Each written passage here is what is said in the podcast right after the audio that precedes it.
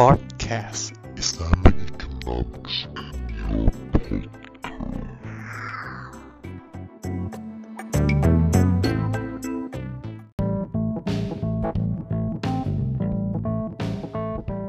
Forum Diskusi Ekonomi Islam.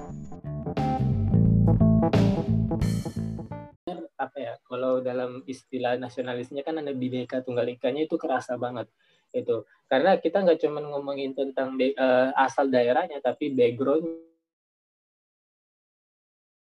di Fose itu eh, bisa dikatakan kita udah nggak terikat atau mungkin kita nggak membawa background kita kayak gitu. Jadi benar-benar ketika teman-teman berada di Fose itu uhuanya terasa banget. Uhuanya eh, kerasa banget. Jadi eh, jujur pernah saya dalam satu eh, ketika di temu rek temu ilmiah regional ini agenda pertama yang saya ikuti nih di temu ilmiah regional itu temu ilmiah regional itu kita nggak pernah itu saya masih mahasiswa baru sama dengan posisi teman-teman. Itu mahasiswa baru. Jadi mahasiswa-mahasiswa yang mungkin semester semester baru semester tiga lah ya semester dua semester tiga. Ketika ikut temu rek itu nggak saya nggak benar-benar nggak kenal eh, di awalnya itu nggak pernah kenal eh, mahasiswa-mahasiswa di luar kampus UB, di luar kampus saya.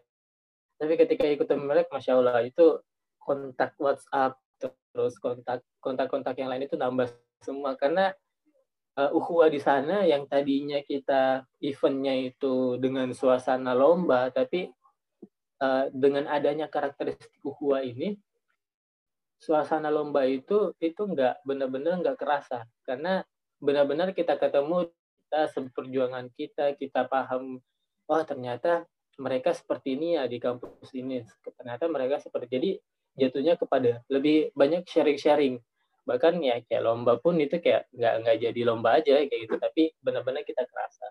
Itu uhanya. Bahkan jujur juga saya pernah uh, eh, bukan pernah sih sering sering kunjungan-kunjungan ke beberapa daerah sebelum pandemi ini kan uh, kunjungan ke daerah-daerah yang nggak pernah saya datangi. Kemarin itu sempat ke Jawa Barat terus sempat ke Jawa Tengah juga sempat ke ya ke mana-mana lah ya. Ke Sunda Kecil ke Lombok. Dan itu benar-benar kayak uh, saya datang ke sana itu teman-teman uh, yang berada di sana ketika kita bilang oh kamu dari mana? Dari Jose itu penyambutannya, welcome-nya itu sangat uh, apa ya, sangat benar-benar kita di dihargain, teman-teman benar-benar difasilitasin karena teman-teman menyandang status kader FOSE. Dan ini bisa teman-teman manfaatin. Teman-teman kalau misalnya ikut lomba atau mungkin ikut event atau mungkin ya ikut event lah, ya, ikut acara keluar kota uh, atau keluar pulau, teman-teman bawa aja nama kader FOSE. Insya Allah uh, apa ya kehidupan teman-teman, jaminan hidup teman-teman di berada di pulau orang atau apalagi ketika kita nggak punya keluarga di sana, itu uh, kader Fose itu sangat uh, loyal banget, sangat loyal banget dan itu uh, kerasa banget ketika teman-teman. Tapi nanti teman-teman uh, kalau memang benar-benar pengen merasakan, pengen tahu gimana ukhuwahnya kader-kader Fose, kader-kader Kase, uh, ya nanti ya teman-teman uh, harus stay ketika ikut agenda-agenda nasional atau agenda regional itu teman-teman bakal merasakan wah ternyata apa yang dikatakan Fauzan Mas Fauzan itu enggak uh, apa ya uh, enggak, enggak uh, hanya sebatas itu tapi bisa lebih kayak gitu dan insya Allah itu bisa saya jamin ketika teman-teman ikut agenda-agenda di FOSE kayak gitu. Terus yang kedua itu adalah uh, dakwah dakwah ya karena kita basis uh, basisnya gerakan atau mungkin organisasi yang menyerukan kepada ekonomi Islam kayak gitu. Karena uh, dakwah di sini kita lebih terfokus pada ekonomi Islam ya teman-teman. Jadi semua kajian-kajian FOSE semua apa uh, riset-riset yang ada di FOSE, diskusi-diskusi yang ada di FOSE itu memang lebih fokus kepada kajian eh dakwah ekonomi Islam kayak gitu. Karena setiap organisasi itu punya tupoksinya masing-masing ya, punya ranahnya masing-masing. Kalau kita ngomongin tentang Islam secara umum itu udah ada organisasi yang mungkin menanggunya. Tapi kalau di FOSE itu memang kita benar-benar fokus kepada ekonomi Islam. Jadi kajian-kajian yang berkaitan dengan di luar ekonomi Islam itu kita minimalisir kayak gitu. kita uh, apa ya kayak kurangin kayak gitu. Karena memang kita lebih fokus kepada ekonomi Islam. Terus yang terakhir adalah ilmiah. Ilmiah ini uh, ya karena lagi-lagi FOSE ini adalah organisasi yang basisnya adalah keilmuan. Karena kita mengkaji uh, terkait ekonomi uh, mengkaji terkait suatu ilmu ilmu yang uh, apa ya ilmu yang memang benar-benar kita uh, harus pahami sebelum kita terjun ke dunia atau mungkin uh, ke hal-hal yang berkaitan dengan ekonomi Islam. Makanya di dalam FOSE ketika teman-teman masuk di FOSE karakteristik yang harus melekat pada keadaan FOSE adalah ilmiah jadi ketika kita uh, datang atau mungkin uh, berkunjung bertemu dengan orang-orang yang non FOSE misal kayak dosen terus akademisi praktisi ekonomi syariah sebut nama FOSE aja pasti wah uh, mereka paham terkait ekonomi Islam mereka ngerti terkait ekonomi Islam dan itu terbukti teman-teman. Ketika kita datang uh, misal nih FOSE sebagai uh, saya pengurus FOSE kunjungan atau mungkin silaturahim dengan uh, instansi keuangan Islam, instansi uh, ekonomi syariah. Misal kayak lembaga keuangan Islam atau mungkin lembaga-lembaga zakat. Itu kalau nyebut FOSE, oh FOSE ya, uh, FOSE ya? Pasti nanya-nanya terkait hukum, terkait uh, apa ya, terkait akad-akad, terkait ekonomi Islam gimana perkembangannya itu pasti ditanyain karena memang yang melekat pada dirinya kader-kader FOSE itu adalah ilmiah. Jadi uh, sangat beruntung ketika teman-teman berada di FOSE, kenapa saya bilang beruntung? Karena uh, di FOSE itu atau di KSE itu udah lengkap sekali ya, udah lengkap banget. Uh, semua teman-teman dapatkan di uh, apa ya, yang teman-teman butuhkan. Kenapa? Karena dulu saya pernah ikut banyak organisasi, sampai lima organisasi, tapi pada akhirnya lama kelamaan uh, saya terfokus pada Fose karena menurut saya Fose itu uh, itu memberikan semuanya dari semua organisasi yang pernah saya ikuti. Yang pertama uh, dakwah, dakwah ya saya dakwah kita ngomongin dakwah religiusitas berarti ya. Jadi kita berdakwah pasti juga memperhatikan nilai religius, religiusitas yang ada di dalam diri kita gitu. Jadi nilai religiusitas ini mungkin di organisasi lain itu nggak punya kayak gitu karena di FOSE itu kita nggak cuma mengkaji ekonomi Islam tapi juga diajarkan tentang uh, bagaimana amalan yominya terus bagaimana uh, apa ya kondisi religiositasnya kita diperhatikan jadi kayak benar-benar di FOSE itu kita saling mengingatkan juga. Nah ini kita nyinggung uhuwa lagi nih. Kita uh, di FOSE ya ada salah dikit atau mungkin ada uh, dosa dikit pasti diingatkan dan itu selalu maksudnya ya yang saya tidak dapatkan di organisasi lain terus yang kedua ilmiah. Ilmiah ini yang mungkin organisasi lain terfokus pada uh, apa ya pada satu satu ranah mungkin dia terfokus uh, kepada dakwah atau mungkin terfokus kepada lembaga riset sendiri. Tapi FOSE juga punya kayak gitu. FOSE juga punya. Dia punya ilmiahnya. Artinya teman-teman ketika masuk di FOSE ilmiahnya juga dapat gitu. dapat ilmiah dapat terus profesionalnya juga dapat ya. karena eh, di FOSE juga kita diajarkan profesional dalam berorganisasi kayak gitu. Jadi eh, ketika teman-teman di FOSE nggak ada tuh teman-teman uh, tidak profesional. Ketika mengadakan sebuah event atau mungkin mengikuti sebuah event, mengikuti sebuah diskusi itu profesional benar-benar kita pegang gitu. Karena itu uh, apa ya dasar atau basic yang harus kita punya ketika teman-teman berada jadi ya bagi saya nggak ada ruginya ketika teman-teman justru teman-teman untung banyak lah ketika teman-teman masuk di kasih karena ya semua uh, yang teman-teman dapatkan di organisasi lain bukan ini membandingkan ya tapi uh, saya hanya menunjukkan keunggulan atau mungkin kebermanfaatan ketika teman-teman berada di KC karena ketika teman-teman dikasih teman-teman mendapatkan semua apa yang teman-teman bisa dapatkan di organisasi lain. Tanpa mengikuti semua organisasi teman-teman hanya ikut satu organisasi saja udah teman-teman dapat semua insya Allah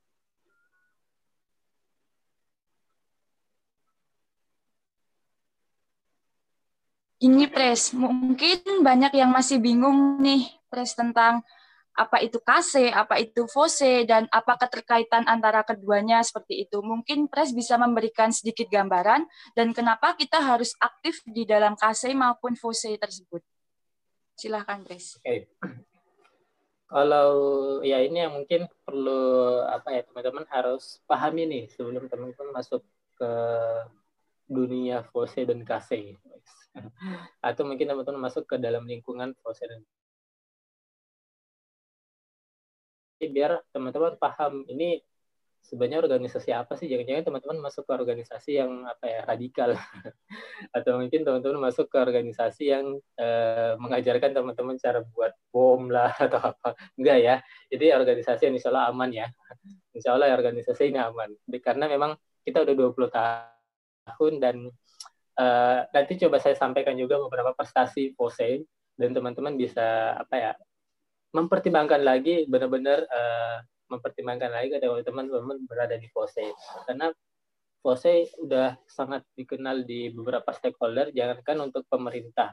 Uh, organisasi-organisasi yang mungkin komunitas-komunitas masyarakat komunitas-komunitas sosial pun kita juga banyak melakukan kerjasama kayak gitu banyak bersinergi jadi insya Allah teman-teman berada di organisasi yang baik-baik kayak gitu nah ngomong-ngomong uh, terkait Fose dan KC. Jadi saya pengen uh, memberikan sebuah gambaran uh, dan KC ini seperti uh, eh, PBB.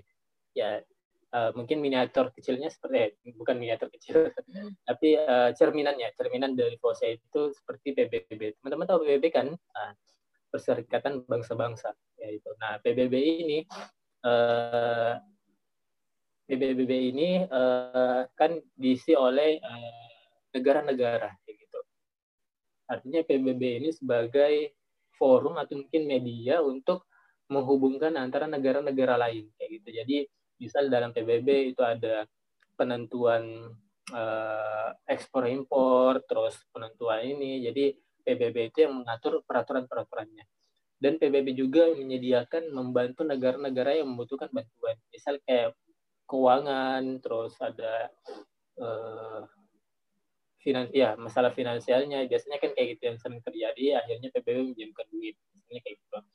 Nah itu seperti halnya dengan di FOSE itu seperti itu FOSE itu adalah forum tempat bertemunya kase-kase. Jadi kelompok studi ekonomi Islam itu enggak cuma ada di kampus teman-teman tapi KASE itu berada di hampir seluruh kampus di Indonesia. Gitu. Bahkan sampai data di teman-teman FOSE itu sekarang itu uh, jumlah KASE di Indonesia itu sekitar 207 207 kampus yang terdaftar yang terdaftar ya dan masih ada kampus-kampus yang masih menuju terdaftar karena kita untuk masuk ke FOSE pun uh, seleksinya agak ini juga ya ada ada seleksi lah kayak gitu. Bahkan kampus yang ingin gabung ke itu ada seleksinya juga. Jadi ada screeningnya juga. Jadi nggak sembarang teman-teman KASE kampus itu mendirikan KASE terus masuk ke FOSE gitu enggak karena ya itu tadi ada beberapa screening. Nah, kalau mungkin bisa dijumlahkan ya sekitar 200 eh, hampir 250-an mungkin, 250-an sampai 250-an eh, kampus yang eh, yang beberapa yang mau menuju terdaftar ke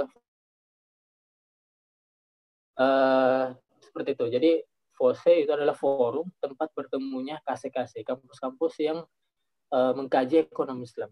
Kayak gitu. Jadi Makanya ketika teman-teman masuk berada di kader FOSE, teman-teman nanti bisa bertemu dengan uh, kader-kader pejuang-pejuang ekonomi yang di luar sana, yang enggak uh, di kampus lain, teman-teman bisa saling sharing.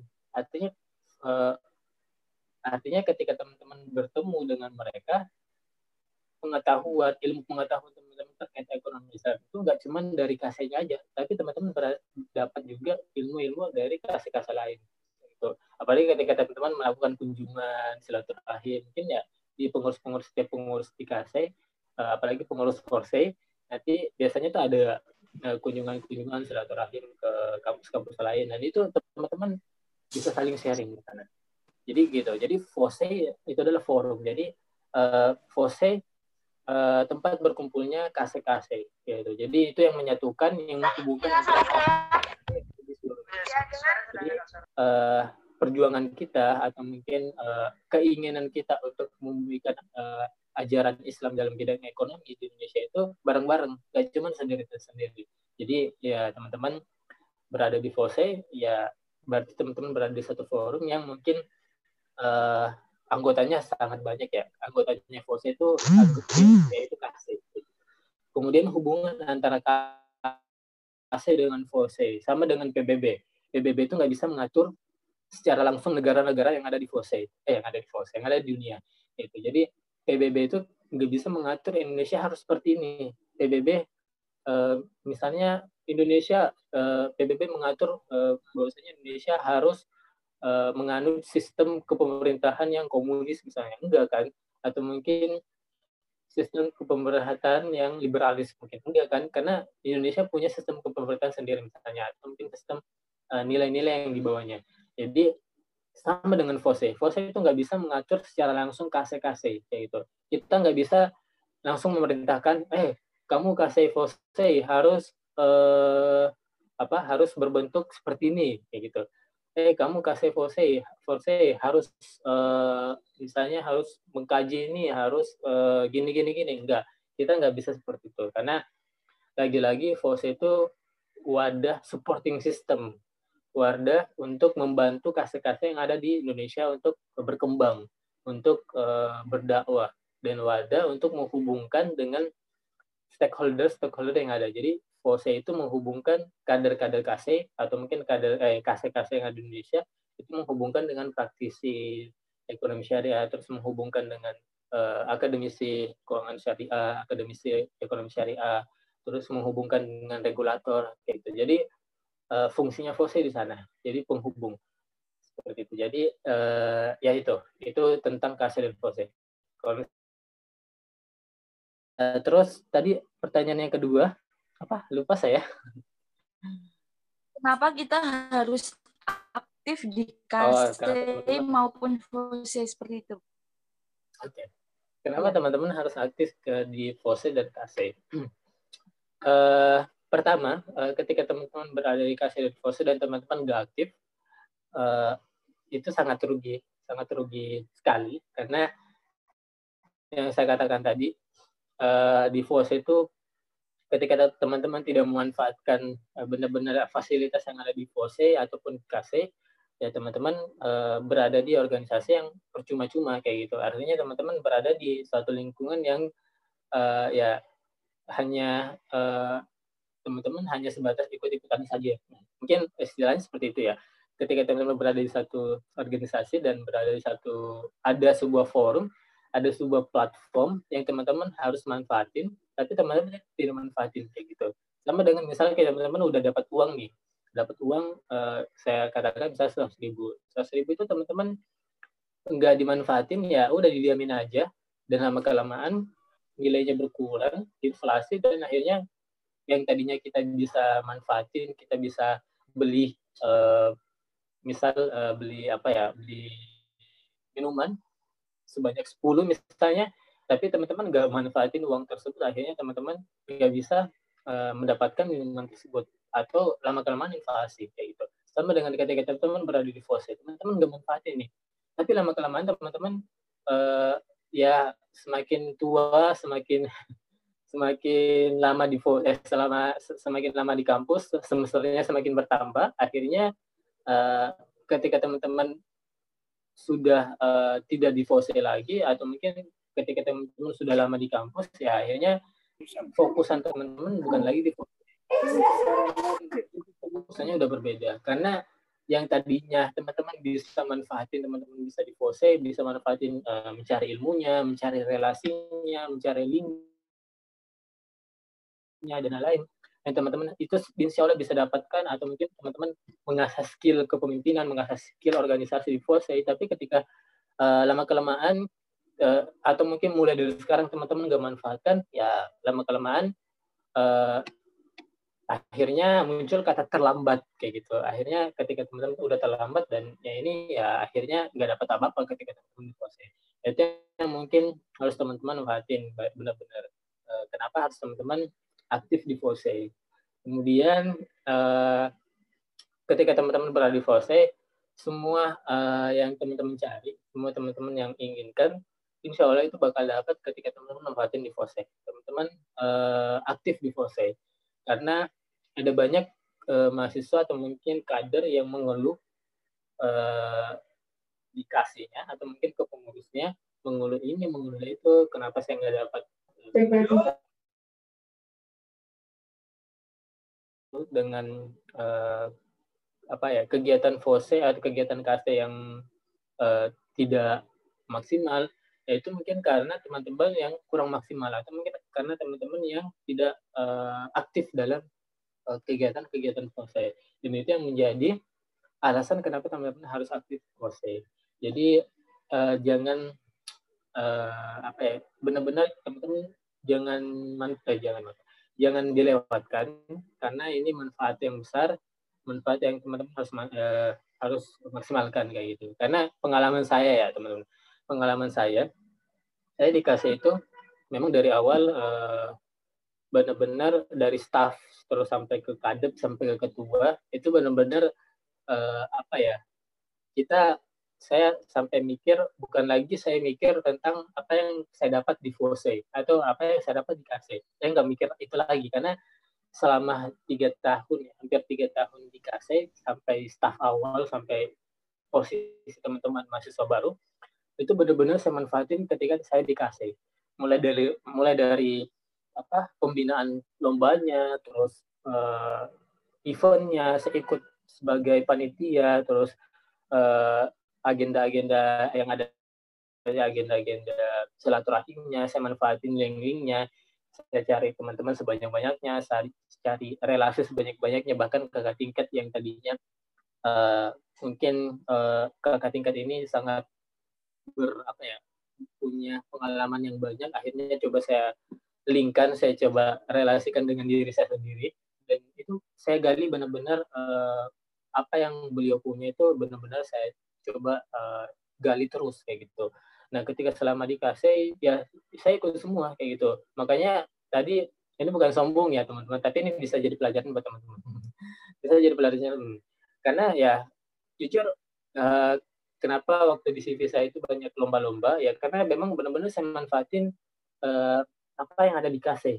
Yang pada dasarnya sebenarnya saya nggak nggak tertarik sebenarnya nggak terlalu tertarik dengan lomba-lomba, tapi ketika di ada uh, apa ada event atau mungkin ada pelatihan pembinaan untuk lomba karena kan dikasih sering juga pelatihan pembuatan isai pelatihan pembuatan karya tulis pelatihan olimpiade ya udah saya ikut saya ikut dan akhirnya coba-coba dan alhamdulillah juara kayak gitu. Jadi itu yang yang harus kita manfaatin kayak gitu ya. Itu yang hal-hal yang fasilitas yang harus kita manfaatin. Tapi ketika teman-teman nggak manfaatin ya teman-teman nggak dapat kayak gitu.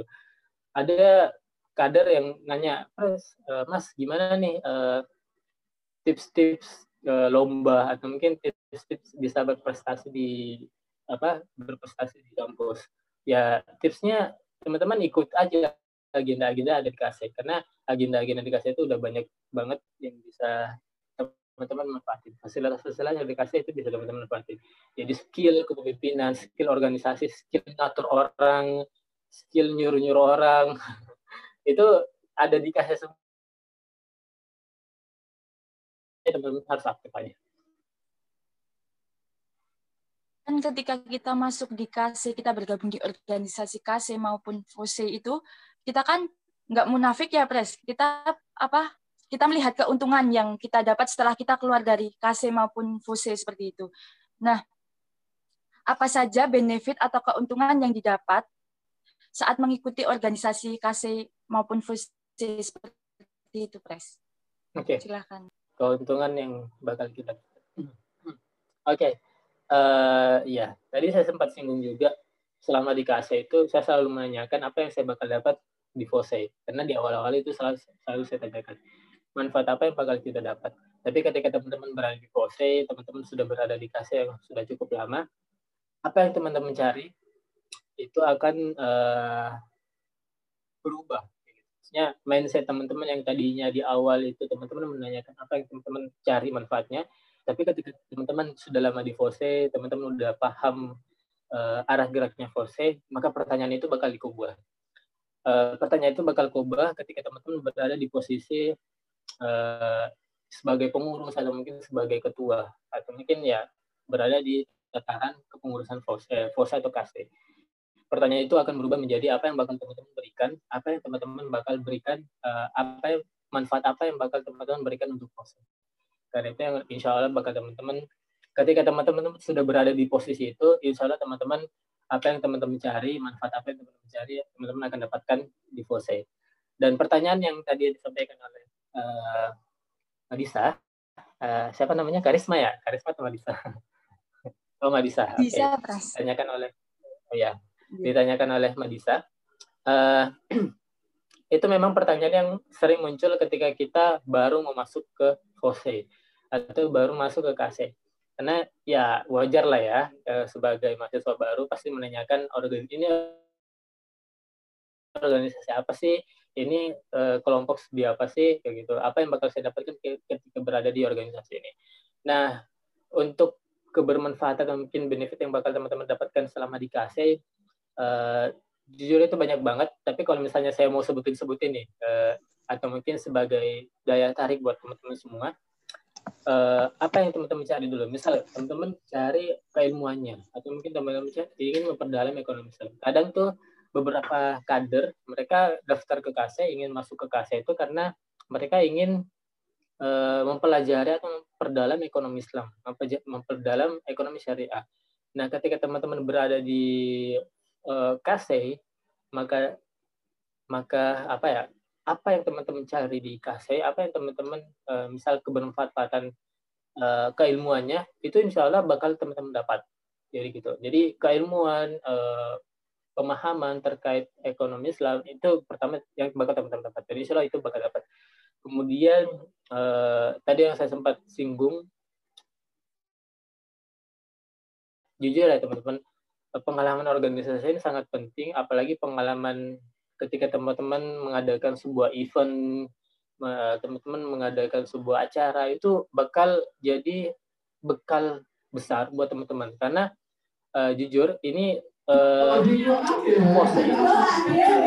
belakangan ini itu sempat mengadakan kerjasama dengan uh, lembaga keuangan Islam, lembaga keuangan Islam, dan uh, kerjasamanya itu kita diminta untuk menjadi partner, partner event organizer, dan ya tahulah kader-kader FOSE itu kalau kita ngomongin tentang event itu, satu aja yang paling bermasalah. Apa tuh? Keuangan. Ya kan? Yang selalu paling bermasalah itu adalah keuangan. Dan ketika kita kerjasama dengan lembaga keuangan Islam yang mungkin bisa dibilang sumber dananya itu nggak diragukan lagi sih gitu. Jadi tinggal uh, pelaksanaan eventnya aja. Dan alhamdulillah uh, bekal-bekal yang teman-teman kader saya dapatkan selama di KC ngadain event ini, ngadain event apa kaderisasi, event keilmuan, event diskusi itu benar-benar kepake ketika teman-teman berada di dunia kerja kayak gitu. Atau teman-teman berada di dunia uh, ya di dunia uh, misal teman-teman berada di satu lembaga teman-teman berada di satu uh, teman-teman sudah kerja di sebuah lembaga keuangan Islam itu bekal-bekal seperti itu teman-teman bakal pakai gitu. karena sering apalagi lembaga-lembaga keuangan syariah itu sering banget mengadakan event dan uh, kadang uh, teman-teman di regional kadang teman-teman di nasional itu pasti diminta uh, apa ya diminta untuk uh, sebagai partner eventnya dan itu bekal-bekal teman-teman selama di kelas itu kepake benar-benar kepake. Apalagi teman-teman udah berada di dunia kerja ya itu insya bakal kepake banget gitu. Dan ketika kita melakukan kerjasama ya pasti ada ininya juga kan ada ada selerinya juga ya ada upahnya juga dari mereka gitu. Jadi itu timbal balik yang uh, dapatkan atau kasih ketika teman-teman manfaatkan uh, benefit yang teman-teman dapatkan di uh, KC kayak gitu. Jadi itu skill organisasi eh, skill organisasi skill kemampuan skill pengalaman organisasi itu bakal terus yang mungkin ketiga ini adalah relasi.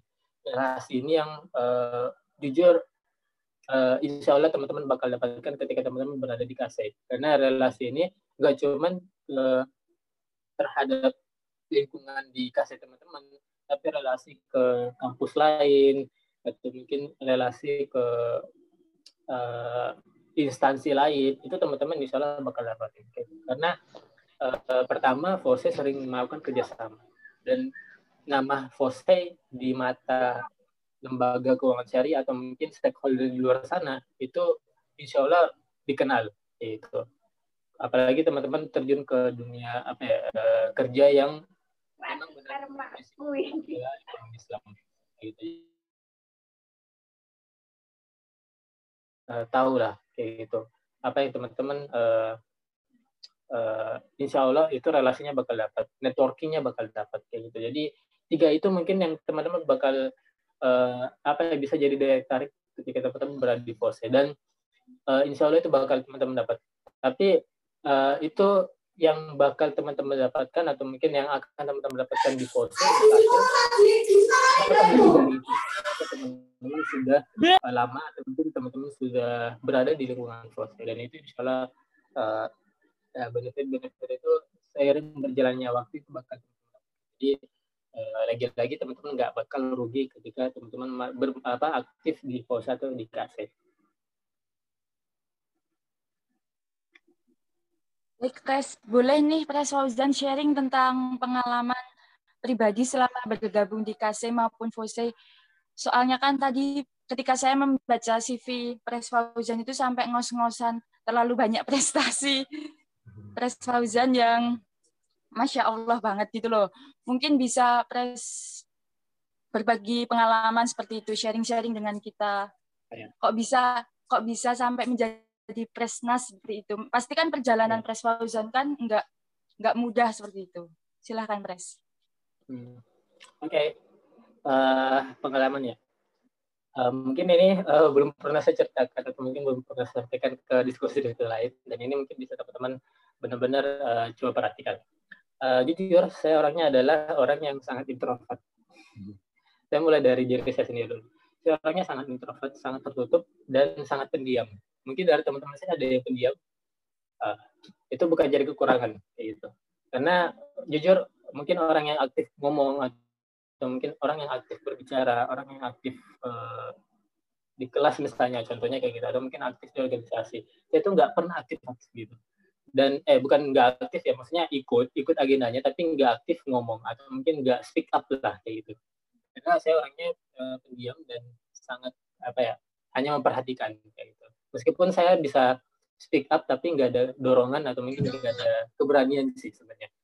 Karena di semester awal di mahasiswa baru itu ya benar-benar saya orangnya sangat pendiam bahkan ada teman-teman saya sampai uh, bilang ke saya, wah ini Ojan ini, Fauzan ini cool banget nih. Karena karena ya orangnya diam uh, seringnya diam. Kalau di kelas itu sering di paling bangku paling belakang. Karena jujur ya uh, apa ya saya itu orangnya ketika berada di lingkungan baru itu perlu banyak penyesuaian kayak gitu. Jadi kalau ketemu dengan orang yang baru saya nggak bisa langsung uh, buka-bukaan atau mungkin nggak bisa langsung uh, dekat banget. Tapi ketika udah lama uh, dengan uh, lingkungan itu saya bisa lebih aktif dan itu kayak semuanya itu keluar kayak gitu. Jadi saya bisa speak up lebih kayak gitu mungkin dari teman-teman di sini ada yang uh, orangnya yang pendiam atau mungkin orangnya yang aja atau mungkin uh, ya ketika di dalam sebuah forum uh, lebih banyak diam atau mungkin dalam sebuah kelas Eh, teman-teman berada di kelas teman-teman lebih banyak diam. Nah itu sama kita sama berarti. Kita sama dan uh, yang membuat saya berubah itu adalah ketika saya berada di KC kayak gitu karena uh, selama di mahasiswa baru sebagai mahasiswa baru ju jujur itu aku nggak pernah uh, apa ya ya paling nggak uh, pernah sampai aktif-aktif banget, tapi setiap ada organisasi, setiap ada event, setiap ada agenda itu saya selalu ikutin. Makanya saya bilang ketika ada pembinaan ini, ada diskusi ini, terus ada kajian ini, saya ikutin. Saya ikutin terus, saya catat poin-poin yang mungkin bermanfaat. Jadi memang uh, yang perlu kita ini ya kita perhatikan dulu gimana cara kerjanya, mungkin gimana lingkungannya. Dan itu uh, saya orangnya seperti itu. Nah, ketika di kelas pun juga seperti itu. Saya selalu paling duduk paling eh, bangku paling belakang kayak itu. meskipun uh, ya tetap menyimak juga ya dari dosen-dosen. Terus kalau misalnya teman-teman presentasi itu saya paling jarang banget bertanya ya. Paling kalau bertanya itu benar-benar orang itu udah semua bertanya, apalagi pertanyaannya itu orang yang bertanya itu dikasih nilai poin. Biasanya kan gitu ya, dikasih titik, dikasih poin. Nah, itu saya lihat oh ini kayaknya udah semua nanya nih. Oh saya paling belum nanya. Itu pertanyaan itu muncul wah uh, apa ya kayak uh, udahlah terpaksa biar dapat nilai kayak gitu. Nah, selama di KC uh, eh, itu yang buat saya berubah. saya aktif di KC. Staf awal uh, di awal-awal menjadi staf awal uh, staf baru uh, itu uh, saya masuk ke divisi uh, kaderisasi karena memang saya basicnya itu di kaderisasi. Jadi staff sampai kepala departemen sampai ketua itu benar-benar fokus pada kaderisasi. Dan sekarang jadi presnas di kaderisasi. Nah, ketika di staff di itu ya itu saya coba manfaatin uh, semua event atau mungkin semua fasilitas yang disediakan oleh KC. Akhirnya coba uh, ikut-ikut terus, ikut pembinaan lomba, ikut uh, sharing-sharingnya dengan alumni. Bahkan sempat ada satu momen di mana, uh, nah ini mungkin teman-teman bisa contohin. Uh, uh, ya, karena saya orangnya pemalu, dan pendiam uh, pernah dalam satu sharing ada alumni yang bisa di kita bisa saya katakan itu beliau uh, berprestasi juga beliau juga aktif di organisasi bahkan beliau ditunjuk sebagai wakil ketua dan itu udah jadi posisi yang mungkin wah ini keren kan terus uh, prestasinya juga banyak bahkan sempat menjadi mahasiswa berprestasi juga dan pada saat itu saya bilang ke beliau, saya bilang ke kakak itu, kak saya mau jadi, uh, saya mau uh, dimentorin tuh sama kakak, gitu. Saya mau dimentorin sama kakak, kayak itu. Jadi benar-benar uh, ketika teman-teman dapat satu kakak tingkat yang uh, bisa jadi acuan teman-teman, wah teman-teman kita harus seperti ini, saya harus seperti dia, kayak gitu. Atau mungkin saya harus lebih seperti dia. Tapi standarnya teman-teman harus seperti dia gitu. Minimal seperti dia atau mungkin maksimal bisa lebih dari dia.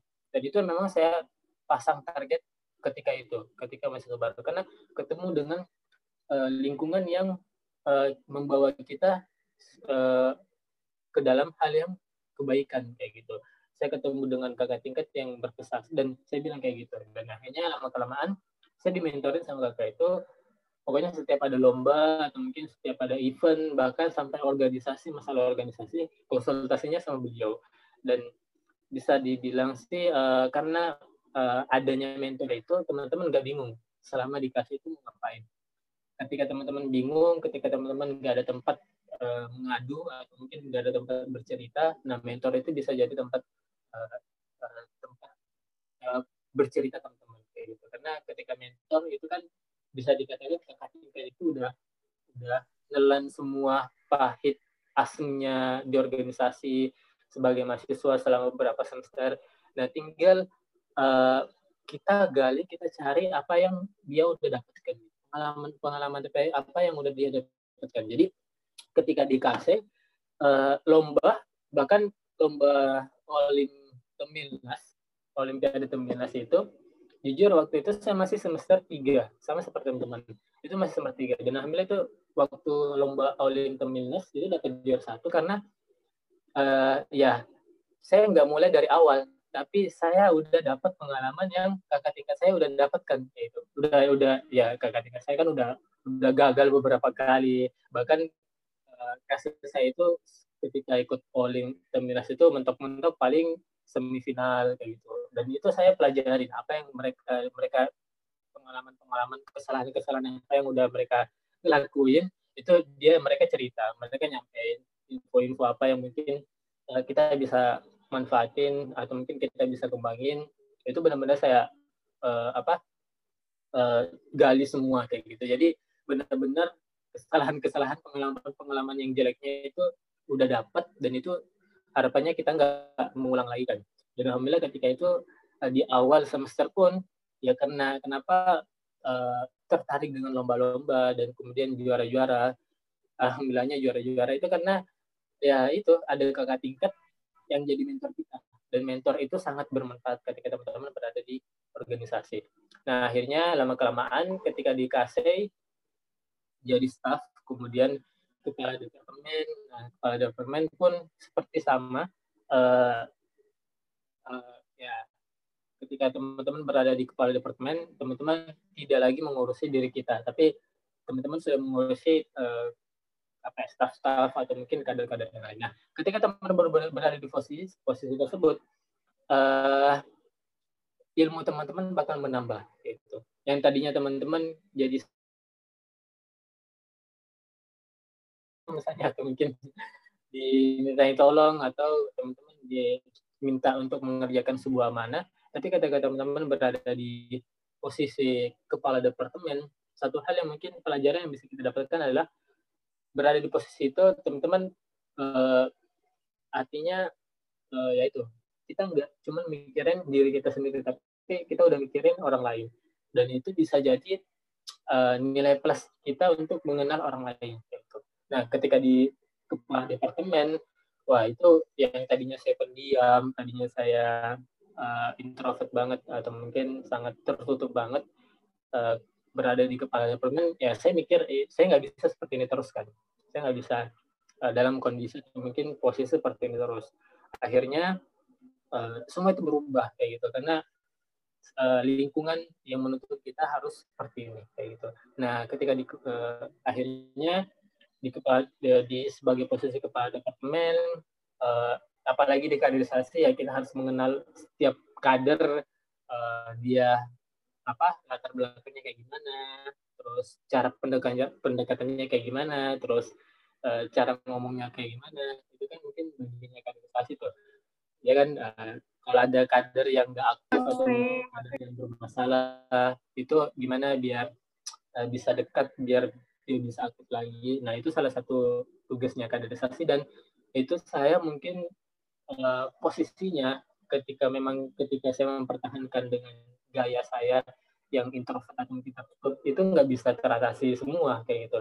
Tapi selama di jadi kepala departemen semua itu berubah. Gaya-gaya itu gaya yang tadinya kita identik dengan kita tapi uh, ketika berada di kepala departemen udah di posisi itu udah wah ini udah uh, beda lagi cara kerja kita. Jadi banyak lah kayak gitu.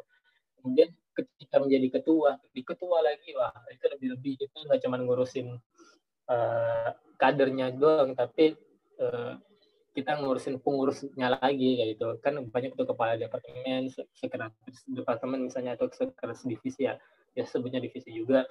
Itu nggak cuma ngurusin itu tapi teman-teman nggak cuma ngurusin masalah taktis lagi. Teman-teman nggak cuma ngurusin masalah teknis lagi tapi teman-teman udah mikirnya strategis banget kayak itu karena keputusan-keputusan teman-teman harus berani mengambil keputusan yang tadinya mungkin saya sangat uh, ragu dengan keputusan ketika berada di memimpin sebuah forum, memimpin sebuah diskusi itu kadang jarang banget uh, apa ya uh, mengambil sebuah keputusan. Tapi ketika selama di ketua KC itu benar-benar uh, ketika ada yang apa, komplain, wah langsung ada harus ada keputusan, harus ada keputusan karena ya mikirnya kita nggak nggak teknis lagi, nggak taktis lagi, tapi udah pikirnya strategis.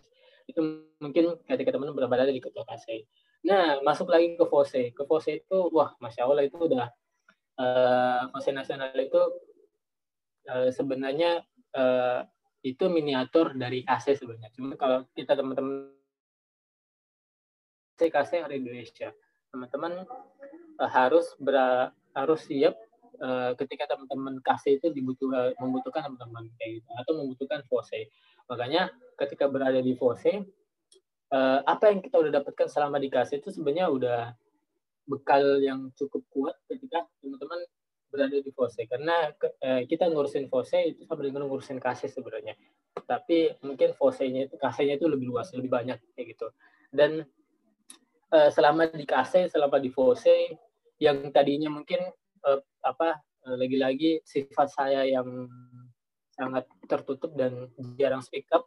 Tapi selama dikasih karena aktif dan uh, berproses terus memanfaatkan semua fasilitas dari Pose dan dikasih ya ngomong di depan umum atau mungkin uh, apa ya berbicara di depan teman-teman diskusi teman-teman yang tadinya saya malu-malu terus nggak tahu mau ngapain tapi sekarang karena udah terbiasa teman-teman udah terbiasa di forum teman-teman berada di diskusi udah terbiasa di diskusi ngomong speak up dan itu udah jadi uh, kelebihan atau mungkin benefit yang teman-teman uh, teman-teman bakal dapatkan ya kalau benar-benar kita manfaatin kayak gitu. Jadi uh, itu sih mungkin pengalaman-pengalaman yang ini. Jadi intinya teman-teman ketika teman-teman di KC ya jangan jangan inilah jangan uh, setengah-setengah kayak gitu.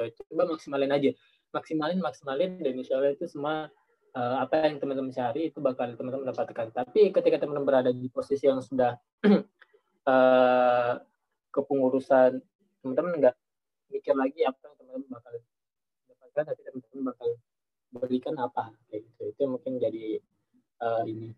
Mungkin kalau mau cerita panjang uh, bakal lebih panjang sih tapi mungkin itu beberapa uh, pengalaman selama di kasih dan di kayak gitu terima kasih Pres Fauzan. Berarti Kak Kase dan Fose maupun Fose itu merubah merubah Mas Fauzan yang awalnya introvert bisa speak up seperti itu dan banyak manfaat yang dan berdampak sekali untuk Presnas Fauzan seperti itu ya. Lalu Presnas Fauzan bisa memberikan motivasi untuk calon kader untuk meneruskan estafet kepengurusan selanjutnya seperti itu. Dan mereka juga lebih semangat yeah. dan aktif seperti itu. Terima kasih, Pres. Silahkan. Oke. Okay. Uh, eh, motivasi ya. sebenarnya motivasi yang paling terbesar adalah motivasi dari diri kita sendiri ya. Nah, eh, ketika teman-teman berada di posisi atau mungkin berada di uh, apa posisi yang kurang semangat atau mungkin teman-teman berada di posisi yang futur atau mungkin lagi ya intinya lagi kurang spirit lah karena mungkin kondisi sekarang atau mungkin beberapa eh, faktor-faktor yang mungkin mempengaruhi. Uh, selalu saya sampaikan ke terutama di KC ketika teman-teman berada di Fose teman-teman nggak sendirian. Ketika teman-teman berada di KC teman-teman nggak sendirian. Karena uh, kita selama di KC selama di Fose yang uh, kalau kita mikirnya sendiri kalau kita mikirnya uh, semua masalah-masalah itu harus kita selesaikan dengan sendiri itu salah banget. Itu salah besar bagi kita. Karena uh, di KC kita gak pernah uh, apa ya saling tidak mempedulikan kayak gitu. Kita nggak pernah uh, saling uh, cuek-cuekan. Ketika ada masalah bahkan masalah personal pun itu diperhatikan juga. Kadang masalah finansial masalah duit juga pasti diperhatikan. Kamu kenapa oh saya lagi nggak ada duit nih lagi nggak ada kiriman. Ini tiba-tiba teman-teman datang bantu kayak gitu. Karena memang selama dikasih itu eh, jangan pernah anggap kamu sendiri dikasih jangan pernah anggap kamu sendiri aja dikasih. Karena dikasih itu teman-teman punya banyak teman punya ada bukan teman sih keluarga. Menurut saya itu sebuah uh, sebuah keluarga baru. Karena ya saya kuliah di kampus uh, Malang misalnya itu nggak ada keluarga sama sekali kayak gitu. Dan ketika masuk terjun atau mungkin berada di satu lingkungan dan itu cocok bagi saya itu udah jadi keluarga bagi saya. Dan masalah masalah-masalah yang ada di KC masalah-masalah yang di Fose itu selalu saya bagi lah kayak gitu ketika berada di posisi kepala departemen itu saya bagi masalah-masalah itu. Eh uh, bagi ke staff-staff saya bagi ke wakil saya misalnya. Eh kita ada masalah ini gimana nih untuk penyelesaiannya kayak gitu. Karena ya sharing-sharing itu sangat membantu kita. Ketika berada di ketua KC mungkin teman-teman merasakan wah berat ya jadi ketua KC, berat ya jadi pengurus, berat ya jadi pengurus di Fose Nasional misalnya, ya berat itu memang uh, ya pasti ada beratnya kayak gitu. Pasti ada itu beratnya itu sebuah tantangan buat teman-teman, sebuah pelajaran yang teman-teman bakal dapat dan itu jadi bekal buat kita ke depannya. Dan itu sangat bermanfaat, insya Allah sangat bermanfaat. Nah, uh, ya kembali lagi ketika kita benar-benar di force atau di kasih jangan pernah merasakan sendiri karena berbagi masalah itu udah sangat biasa uh, di lingkungan kasih di lingkungan force juga. Ketika ada masalah ah datang ya ketika teman berada di ketua ah ini tuh masalahnya ini coba sharingkan kepada pengurus pengurus yang lain. Ketika teman-teman berada di kepala departemen, uh, coba sharingkan masalah teman-teman ke staff-staff teman. Atau mungkin teman-teman berada di staff itu punya masalah masalah-masalah lain ya coba sharingkan kepada kepala departemennya atau mungkin kepada ketua teman-teman. Dan insya Allah mereka pasti welcome banget dan pasti uh, nerima teman-teman banget. Bahkan uh, kalau apalagi ketika mereka apalagi ketika kita cerita atau mungkin nyampaikan masalah-masalah personal itu itu malah mereka semakin excited ya biasanya. Karena uh, kadang uh, itu bisa memperdekat dan memperdekat kita dengan satu sama lain kayak gitu. Ketika teman-teman berada di staff sekarang atau mungkin staff baru atau mungkin sebagai uh, pengurus awal uh, mungkin motivasi saya buat teman-teman mungkin uh, dorongan aja buat ke teman-teman. Selama teman-teman berada di KC kalau teman-teman hanya mencari apa yang bakal kita dapatin apa manfaat apa yang kita bakal kita dapatin itu bakal kita ke depannya itu mungkin kita nggak dapat semuanya teman-teman. Tapi ketika kita uh, berada di KC berada di pengurus itu mungkin uh, apa yang teman-teman cari itu bakal teman-teman dapatkan semuanya kayak gitu. Nah, uh, motivasi buat teman-teman untuk jadi pengurus atau mungkin jadi pengurus nasional kadang kader-kader itu uh, sebelum jadi pengurus sudah takut duluan ya biasanya kayak gitu. Terus sudah minder duluan karena kapasitas atau mungkin kemampuannya yang enggak cukup. Nah itu mungkin uh, sangat salah buat teman-teman. Karena selama teman-teman berada di KC atau mungkin teman-teman melanjutkan uh, estafet kepengurusan teman-teman yang ada di kasih teman-teman atau mungkin di FOSE itu justru malah jadi uh, tempat di mana teman-teman uh, maksimal apa yang teman-teman bisa berikan untuk FOSE dan KASE di situ kayak gitu. Jadi jangan sampai uh, apa ya yang tadinya kita niatnya untuk mendakwa atau mungkin yang tadinya kita untuk uh, menyiarkan ekonomi Islam, memperdalam ekonomi Islam, itu hanya sebatas teman-teman hanya selesai dalam satu tahun atau mungkin uh, satu semester, jangan sampai kayak gitu. Tapi teman-teman lanjutkan sampai benar-benar di akhir, karena semua manfaat, semua benefit itu bakal kerasa ketika teman-teman selesaikan sampai akhir kayak gitu. Jadi jangan pernah uh, inilah, jangan pernah bosan, jangan pernah uh, merasa sendiri. Dan uh, yang selalu teman-teman harus tanamkan itu adalah uh, saya di itu ketika teman-teman berada di Fose yang selalu harus ditambahkan di mindset teman-teman adalah apa benefit apa atau manfaat apa yang bakal saya berikan untuk kasih saya kayak gitu. Karena ketika teman-teman memberikan apa yang teman-teman bisa berikan maka di situ teman-teman akan mendapatkan apa yang teman-teman cari selama dikasih. Itu mungkin motivasi buat Insya Allah, baik terima kasih Preswazan atas jawaban-jawaban yang luar biasa dan insya Allah bermanfaat untuk kita semua. Acara selanjutnya yaitu sesi tanya jawab. Silakan dari peserta bisa bertanya ataupun minta saran atau masukan terhadap masalah kasenya atau atau ingin curhat seperti itu masalah kasai tentang kaderisasi atau bagaimana cara pengkaderan yang baik dan benar mumpung ada Presnas Fauzan. Silakan untuk peserta Jangan lupa on kamera dan sebutkan nama dan asal kasih. Silahkan.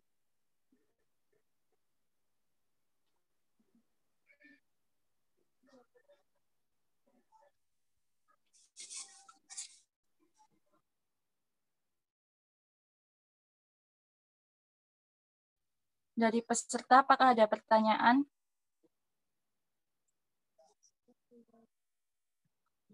Tentang kaderisasi, seperti itu.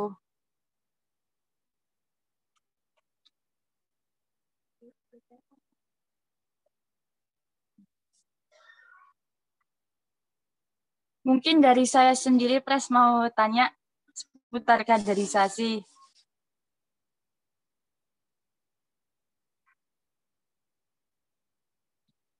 Boleh, boleh. Kan kan di kasih saya, kasih IME Surakarta itu kan SDM-nya terbatas ya, Pres ya. Jadi itu ketika kita masuk kampus itu mau nggak mau kita harus ikut KC seperti itu. Sedangkan kan setiap orang berbeda-beda. Kadang dia udah ada yang niat ikut itu, kadang enggak, tapi dipaksa untuk masuk KC seperti itu. Terus kan ada yang enggak enggak aktif seperti itu di dalam KC. Nah, itu gimana Pres menyikapinya dan bagaimana cara pengkaderan yang benar supaya KC itu berjalan dengan baik seperti itu. Terima kasih Pres. Oh iya. Uh, kalau untuk kader-kader yang enggak uh, mungkin ada niat berbeda atau mungkin punya niat tersendiri ketika selama di uh, saya coba sampaikan pertama dari teknis saja, teknis terus masuk ke nanti bagaimana pengaplikasian dari teman-teman. Uh, pertama ketika memang kita uh, merekrut orang atau mungkin merekrut uh, mahasiswa yang ada di kampus kita, uh, kita harus cari tahu dulu niat mereka masuk ke KSI itu apa, gitu. Karena ya selama saya di ketua, selama saya menjadi ketua, uh, hal yang paling pertama saya lakukan ketika memang mereka mau masuk ke KC atau mungkin mau daftar ke KC saya, meskipun kita udah nyampain semua daya tarik atau mungkin manfaat-manfaat yang mungkin bisa dia dapatkan ketika selama di KC, tapi selama mereka mau masuk ke KC, kita harus tahu dulu niat mereka itu apa, tujuan mereka masuk KC itu apa, gitu. Karena ada banyak ke niat dan itu hampir sama semua gitu. Hampir mirip-mirip lah dari misal orang A, B, C itu punya niat uh, satu misalnya. Terus E, F, G dia punya niat dua. Misalnya kayak gitu. Nah, itu mungkin teknis ya. Pertama teknisnya kayak gitu. Jadi teman-teman harus cari tahu dulu niatnya itu apa. Bentuknya kayak gimana. Teman-teman bisa kayak sebarin form atau mungkin survei dulu survei dulu kondisi dari peserta-peserta yang baru, mahasiswa baru yang masuk ke KC, itu niatnya apa. Baru setelah niatnya kita tahu, oh tujuannya dia pengen masuk ini karena pengen berprestasi. Oh dia masuk ke sini karena dia pengen uh, belajar ekonomi Islam. Terus ada lagi dia pengen uh, apa? Uh, pengen dapat pengalaman organisasi misalnya. Oh baru udah dapat tuh kita udah peta-petakan, udah dapat uh, uh, orang-orangnya oh berarti ada yang niat lomba ada niat uh, ada yang niat belajar ekonomi Islam ada yang niat pengalaman organisasi nah itu baru kita peta-petakan baru kita buat agendanya baru baru buat kegiatan dari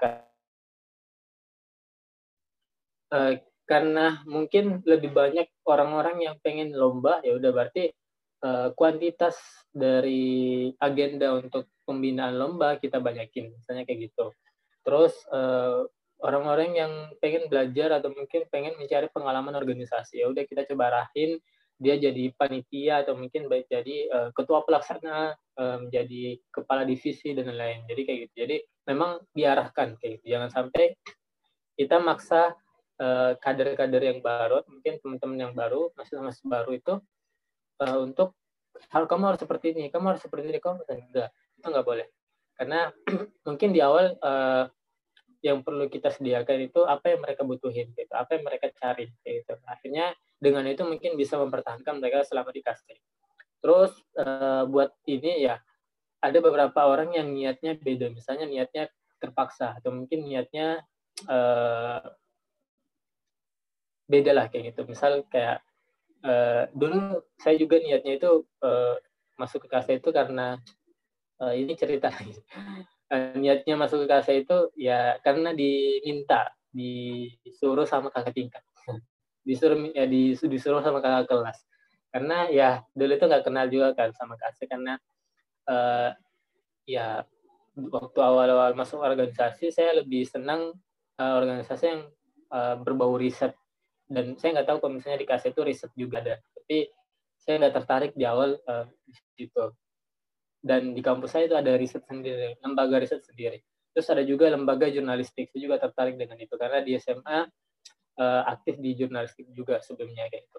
Dan di KC itu saya nggak tahu ya, paling KC ya, organisasi yang ya mirip-mirip organisasi lembaga dakwah lah kayak gitu. Dan pada saat itu uh, saya juga udah masuk di lembaga dakwah, jadi wah ini udah banyak lah kayak gitu. Dan ternyata ya itu ketika masuk GKC semuanya malah dapat itu organisasi jurnalistiknya juga ada sebenarnya kita dilatih juga terus uh, cara menulis yang baik, risetnya juga ada. Jadi uh, di awal karena disuruh, tapi karena disuruh itu teman-teman uh, kita uh, apa ya kayak udah udah enak dengan lingkungannya dan uh, karena yang tadi di awal kita udah tahu udah memetakan kader-kader potensinya apa kemauannya apa dan akhirnya itu bisa kita mempertahankan mereka.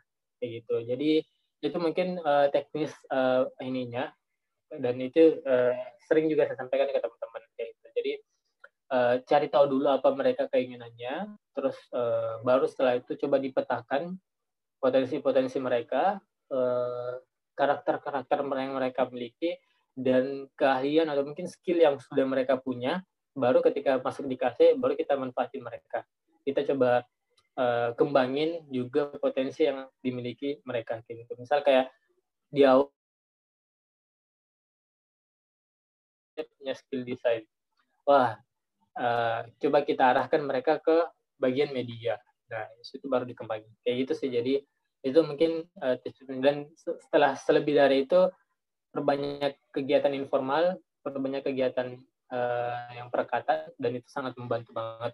Misal kayak ahwat makan-makan eh masak-masak terus ihwannya yang makan-makan terus uh, ihwannya futsalan biasa kan olahraga olahraga ya itu kadang kalau di kasih saya itu ada rujak. Rujaknya biasanya ahwatnya doang tapi itu karena ihwannya nggak nggak diajak dan akhirnya mereka futsal sendiri gitu. jadi ya gitulah.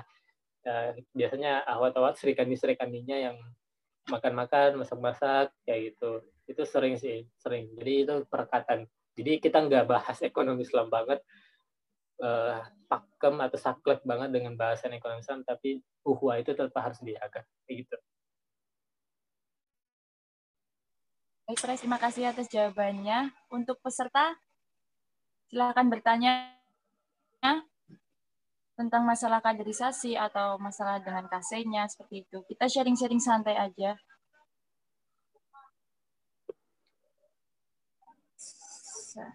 Ini Pres ada yang bertanya. Sebentar saya bacakan. Saya izin bertanya, Pres. Ini ada Anggrahita dari Force AAS Bagaimana tantangan pertama kali ketika seorang introvert berada di bidang kaderisasi? Oh iya. Silahkan, Tes. Tantangannya pasti uh, kita dituntut untuk uh, bisa dekat dengan kader-kader, gitu. Bisa uh, paham kondisi atau mungkin paham uh, apa ya kayak bukan semacam latar belakang sih, tapi keunikan dan mungkin apa yang menciri khaskan dari kader tersebut kayak gitu. Dan kaderisasi bagiannya seperti itu. Jadi uh, kalau di kaderisasi KC ya, kalau kita udah ngomongin ke FOSE itu udah beda lagi ya. Itu udah ngomongin terkait strategis banget kayak gitu. Tapi kalau di KC teman-teman itu enaknya adalah uh, teman-teman bisa lebih dekat dengan kader-kader. Nah, itu tantangannya mungkin kalau introvert kan uh, uh, apa ya? mereka untuk cerita atau mungkin dengar cerita orang lain itu kadang sangat tertutup dan uh, bahkan sering muncul ngapain sih? Atau mungkin apa sih? kayak gitu. Itu mungkin sering muncul kayak uh, negatif-negatif itu sering muncul. Tapi ketika teman-teman berada di kaderisasi itu introvert itu sebenarnya masalah introvert extrovert itu bisa diubah ya teman-teman. Itu hanya sebatas apa ya kayak uh, tergantung dari lingkungan dari yang saya baca beberapa artikel dan beberapa penelitian introvert ekstrovert itu sebenarnya bisa dirubah. Yaitu ketika teman-teman berada di posisi introvert bukan berarti teman-teman benar-benar harus tertutup banget kayak gitu. Uh, ada posisi di mana kita sifatnya oh kita nah ketika berada di KC berada di kaderisasi tantangannya itu uh, kita harus dekat dengan kader, kita harus dekat dengan staff. Ketika ada staff yang nggak aktif, kita harus cari tahu dia sekarang berada di mana, dia posisinya di mana, masalahnya apa, terus uh, cari solusinya apa. Itu mungkin uh, tantangan yang ada di kader. Contoh misalnya, ada pernah kader uh, saya itu dia hilang selama beberapa pekan, beberapa agenda yang ada di KC kita udah ngelaksanain dua kajian misalnya dia nggak ikut dua kajian tersebut itu kita coba kita kan sering uh, di dalam kepengurusan uh, di saya dulu di kasus saya itu selama sebulan itu kita sering evaluasi kader. Misal kayak ada hmm. kader yang selama satu bulan itu dia aktif banget kayak itu itu yang perlu kita apresiasi. Ada kader yang setengah-setengah itu yang perlu kita uh, lagi terus ada kader yang benar-benar itu dia nggak aktif sama sekali. Nah itu yang perlu kita cari tahu kenapa. Nah itu selama beberapa eh, bukan ya uh, sebulan sekali sih kalau di kasus saya. Itu kita selalu eval uh, oh kader ini kader A dia nggak aktif nih. Oh, udah kita cari tahu cari tahu dan memang nggak aktif. Dan ketika kita samperin terus kadang mereka ketika kita minta hubung eh, dihubungin terus dia nggak jawab terus di chat itu nggak dibalas ya itulah biasa ya eh, permasalahan yang sering muncul di kaderisasi di chat nggak balas alasannya lah eh, ketimbun lah atau mungkin diabaikan lah. Seringnya diabaikan sih bukan ketimbun. Uh, akhirnya uh, tantangan barunya adalah kita gimana mencari dia kayak gitu. Nah satu yang sering yang menarik adalah ketika di kaderisasi yaitu uh, kita harus ketemu dengan orangnya dan kita harus cerita dengan dia itu dan karena uh, apa ya strategi-strategi untuk ketemu dengan dia itu pasti kita susun lah kayak itu misal kayak dia keluar kelas jam berapa wah kita harus samperin. Terus kita ajak dia ke kantin. Terus terakhir dia makan dan biarkan dia cerita kayak gitu. Itu yang paling sering sih. Ketika dia ada bermasalah ada permasalahan uh, wah ini kader A ini nggak pernah aktif lagi nih. Ya akhirnya karena dia nggak aktif kita coba cari tahu di chat nggak dibales akhirnya uh, wah kita tahu kita punya jadwal kuliahnya mereka. Karena kan sebelum masuk ke daftar ke kasih kan dia harus nyetor jadwal kuliah. Kita tahu jadwal kuliah dia oh dia jam segini keluar nih. Oh, udah kita cegat kita deh atau enggak kita langsung datangin kosannya. Biasanya kayak gitu. Datangin kosannya cari tahu uh, gimana apa permasalahanmu dan lain dan itu mungkin jadi tantangan buat uh, orang-orang yang introvert yang introvert yang apa ya yang uh, jarang dekat dengan orang lain tapi ketika di kaderisasi kita gitu ya itu mungkin tantangannya jadi uh, insya Allah sih ketika berada teman-teman di kaderisasi introvert introvert berubah dengan seiring waktu kayak gitu. Prof, terima kasih. Ada pertanyaan lagi, Prof. Sebentar. Dari Putri Rindiati, saya izin bertanya juga, Pres, bagaimana cara menghilangkan kesenjangan yang mungkin ada antar anggotanya? Silakan, Pres. Kesenjangan ya. Kesenjangan sebenarnya bisa diatasi dengan ini, teman-teman. Agenda-agenda informal. Uh, kadang uh, ya di KC itu sebisa mungkin event-event uh, yang berbau formal itu coba teman-teman uh, apa ya kayak jangan terlalu over power gitu atau mungkin over uh, kuantitas kayak gitu. Karena kadang kalau kebanyakan agenda itu uh, teman-teman bosan. Dulu saya pernah merasakan selama jadi ketua agenda saya itu uh, bisa kita katakan uh, sebulan itu ada empat kali kajian. Setiap minggu ada kajian. Itu belum kaji itu baru kajian ekonomi Islam. Belum untuk pembinaan pembinaan jadi sebisa mungkin uh, uh, mungkin selama sepekan itu ada dua kajian. Belum lagi kalau ada kunjungan, belum lagi kalau ada agenda-agenda uh, di luar itu. Jadi itu agenda rutin itu baru agenda rutin, belum agenda-agenda yang enggak rutin. Itu sudah sangat padat banget dan itu jadi permasalahan ketika selama di KC. Akhirnya teman-teman mikir, wah ini udah enggak sehat nih, udah enggak sehat. Ya meskipun kita harus mengkaji ekonomi Islam, tapi kalau terlalu keseringan dan terlalu ini akhirnya teman-teman staff atau mungkin teman-teman anggota kader itu uh, agak ini agak uh, capek juga ya mungkin ya. Nah itu mungkin yang harus teman-teman pahami dulu sebagai pengurus gitu. Atau mungkin ketika teman-teman menjadi pengurus. Jadi kualitasnya mungkin bisa di disesuaikan dengan apa yang dibutuhkan oleh teman-teman kader kayak gitu.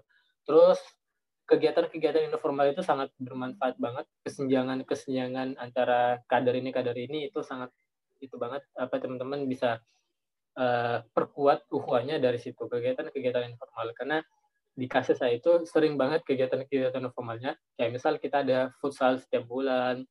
Ya tadi yang saya katakan terus teman-teman uh, akhwatnya itu biasa rujak. Uh, ya rujaknya itu justru malah rujaknya itu dari apa ya dari dari duitnya biasanya di, di disponsori disubsidi oleh KC aja kayak gitu terus kadang juga dari rihlah ke pantai terus ke ke apa? Percobaan ke apa ya kecobaan terus uh, ke mana lagi ya? Kadang ke gunung juga. Kan kalau di Malang kan banyak ya wisatanya ya. Kata kalau di teman-teman. Ya kadang ya kita harus adalah rihla-rihla bahkan di pengurus uh, kita kadang uh, apa nginap uh, piknik atau mungkin camping itu sering sering kita lakuin karena itu kayak tempat uh, kader kayak gitu. Karena ada istilah di mana uh, bagaimana biar kamu mengenal uh, saudaramu atau mungkin bagaimana kamu mengenal uh, temanmu. Itu dengan tiga hal. Pertama itu ini bukan ini ya hati ya tidur barengnya tapi awal awal tidur bareng kayak gitu. Itu harus tidur bareng.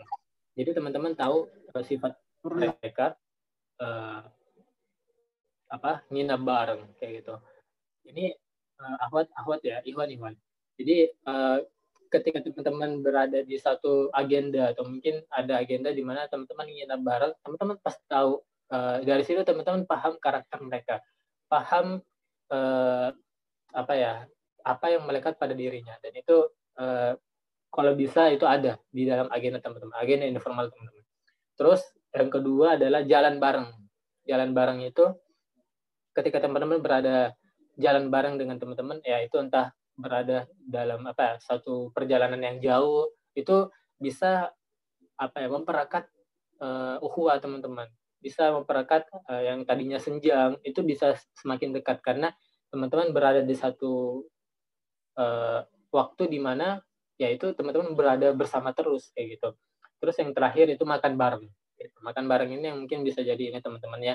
Makan bareng ini uh, bisa memperekat juga kesenjangan dan ya, kadang juga sebagai pengurus atau mungkin sebagai ketua itu jangan sungkan-sungkan atau mungkin jadi jangan pelit-pelit untuk mentraktir kader-kadernya, staff-staffnya kayak gitu. Karena itu yang sering dilakukan juga dari teman-teman pengurus yang ada di kasus saya. Jadi itu sih jadi uh, itu yang perlu uh, apa ya mungkin tips-tips atau mungkin cara-cara teman-teman memperekat uh, apa kesenjangan yang ada di antar kader.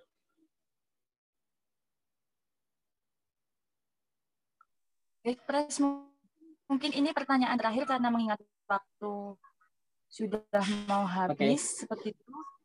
Ini ada dari Octavia Nurindah Wulansari. Saya izin bertanya, Pres, bagaimana menjadi menjadi seorang kader yang aktif dan tips menjadi kader agar berani speak up. Terima kasih. Silahkan, Pres ya. uh, kalau tipsnya tadi uh, pertama ya itu ya kita harus aktif benar-benar harus aktif di dalam kegiatan uh, eh. Jadi ada event ini, event ini ikut aja dulu teman-teman, ikut aja dulu. Karena memang itu agak susah ketika kita membangkitkan atau mendorong diri kita sendiri. Tapi kalau udah pertama kali itu bakal kecanduan kayak gitu, itu bakal kecanduan teman-teman. Gitu. Jadi kayak misal uh, dulu saya pernah uh, ya ya ya apa ya kurang speak up kurang aktif uh, dalam ngomong lah kayak gitu berbicara di tapi ada posisi di mana uh, itu uh, saya harus terpaksa ngomong di, di depan umum dan saya terpaksa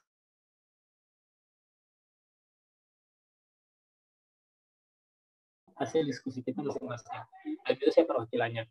Dan itu ketika ngomong di depan itu uh, kayak ngerasa uh, itu pertama kali dan itu nggak pernah apa ya saya udah gugup banget itu kalau diceritain itu gugup banget dan uh, ya akhirnya terpaksa dengan gemeteran dengan gemeteran uh, ya udah saya sampaikan apa yang teman yang kita udah diskusikan karena memang di dalam diskusi itu uh, poin-poin yang disampaikan itu udah matang banget dan akhirnya ketika di depan umum saya ya udah sampai apa yang kita diskusikan.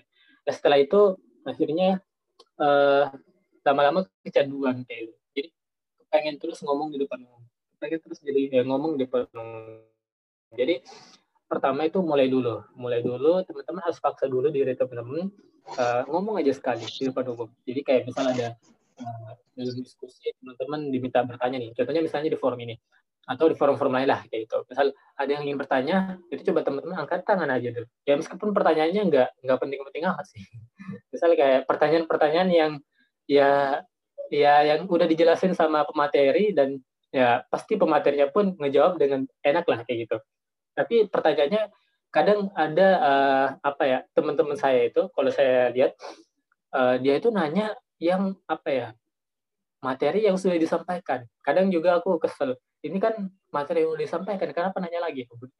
Itu mungkin cara mereka atau mungkin uh, ya bentuk tips eh, tips-tips mereka biar uh, aktif atau mungkin uh, bisa ngomong di depan umum. Jadi gitu. Jadi teman-teman mulai aja kayak gitu. Misal kayak teman-teman ada kajian uh, terkait ekonomi syariah ekonomi Islam terus udah dijelasin tuh perbedaan antara ekonomi Islam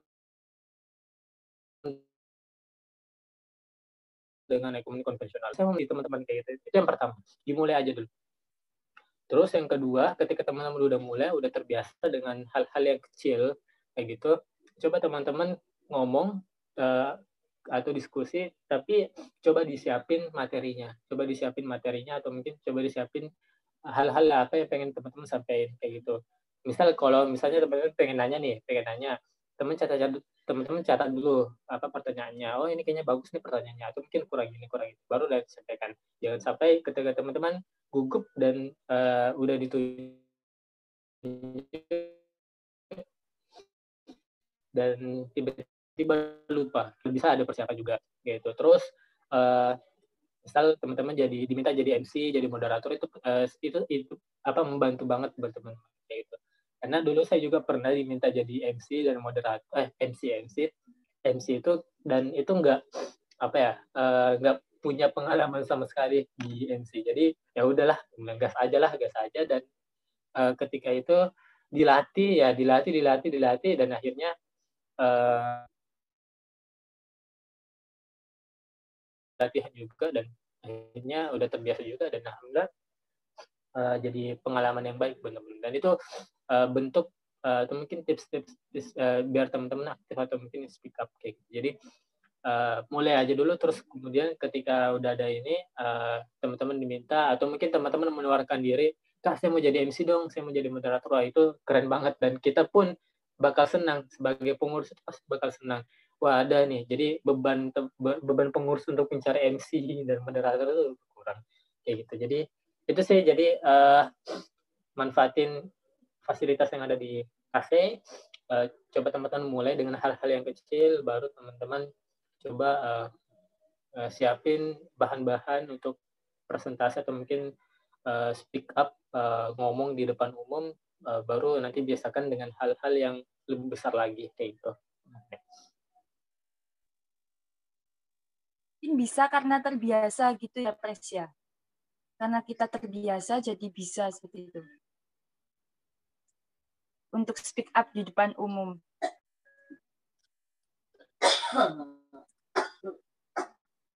Baik, tidak terasa waktu kita sudah habis.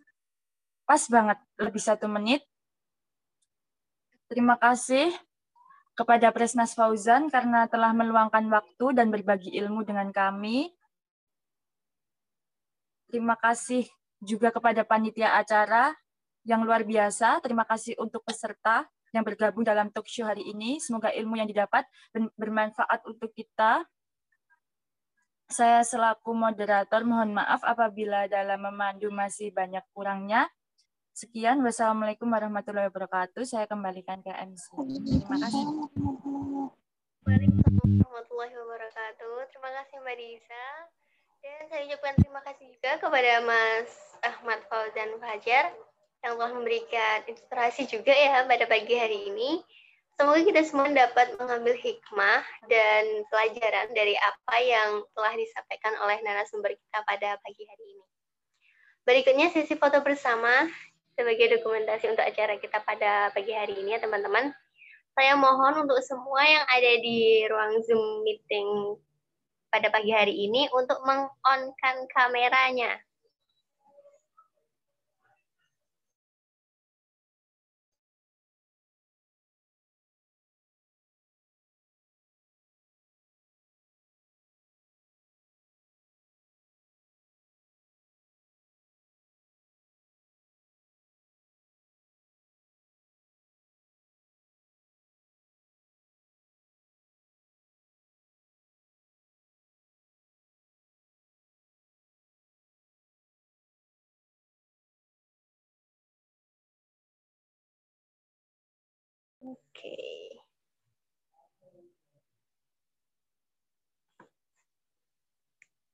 Untuk operator, apa sudah bisa kita mulai sesi foto bersamanya?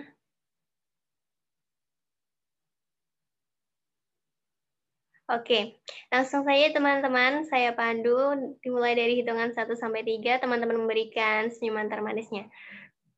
1 2 3 Oke, baik. Lagi ya teman-teman ya. Kita lagi. Satu, dua, tiga.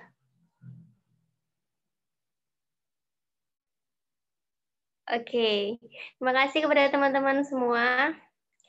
Baik, sebelum acara pada pagi hari ini kita tutup, ada beberapa pengumuman yang akan disampaikan oleh Saudara Ali Muhammad Azmi. Kepada Saudara Ali, saya persilahkan.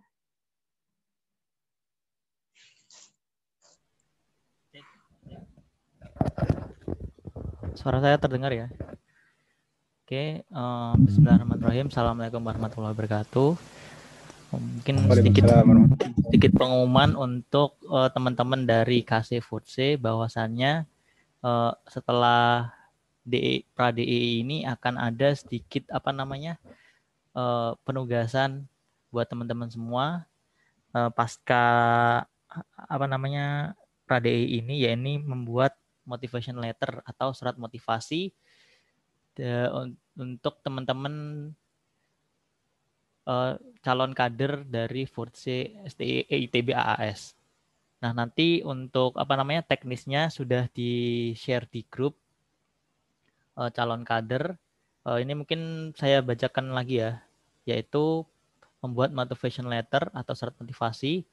Isinya adalah uh, mengapa sih kita harus belajar ekonomi Islam dan apa sih uh, benefit dan keuntungannya dan kenapa kita harus bergabung sama KC maupun FUSE. Nah, ketentuannya adalah uh, minimal dari minimal isi dari motivation letter itu 500 karakter dan maksimal 2200 karakter.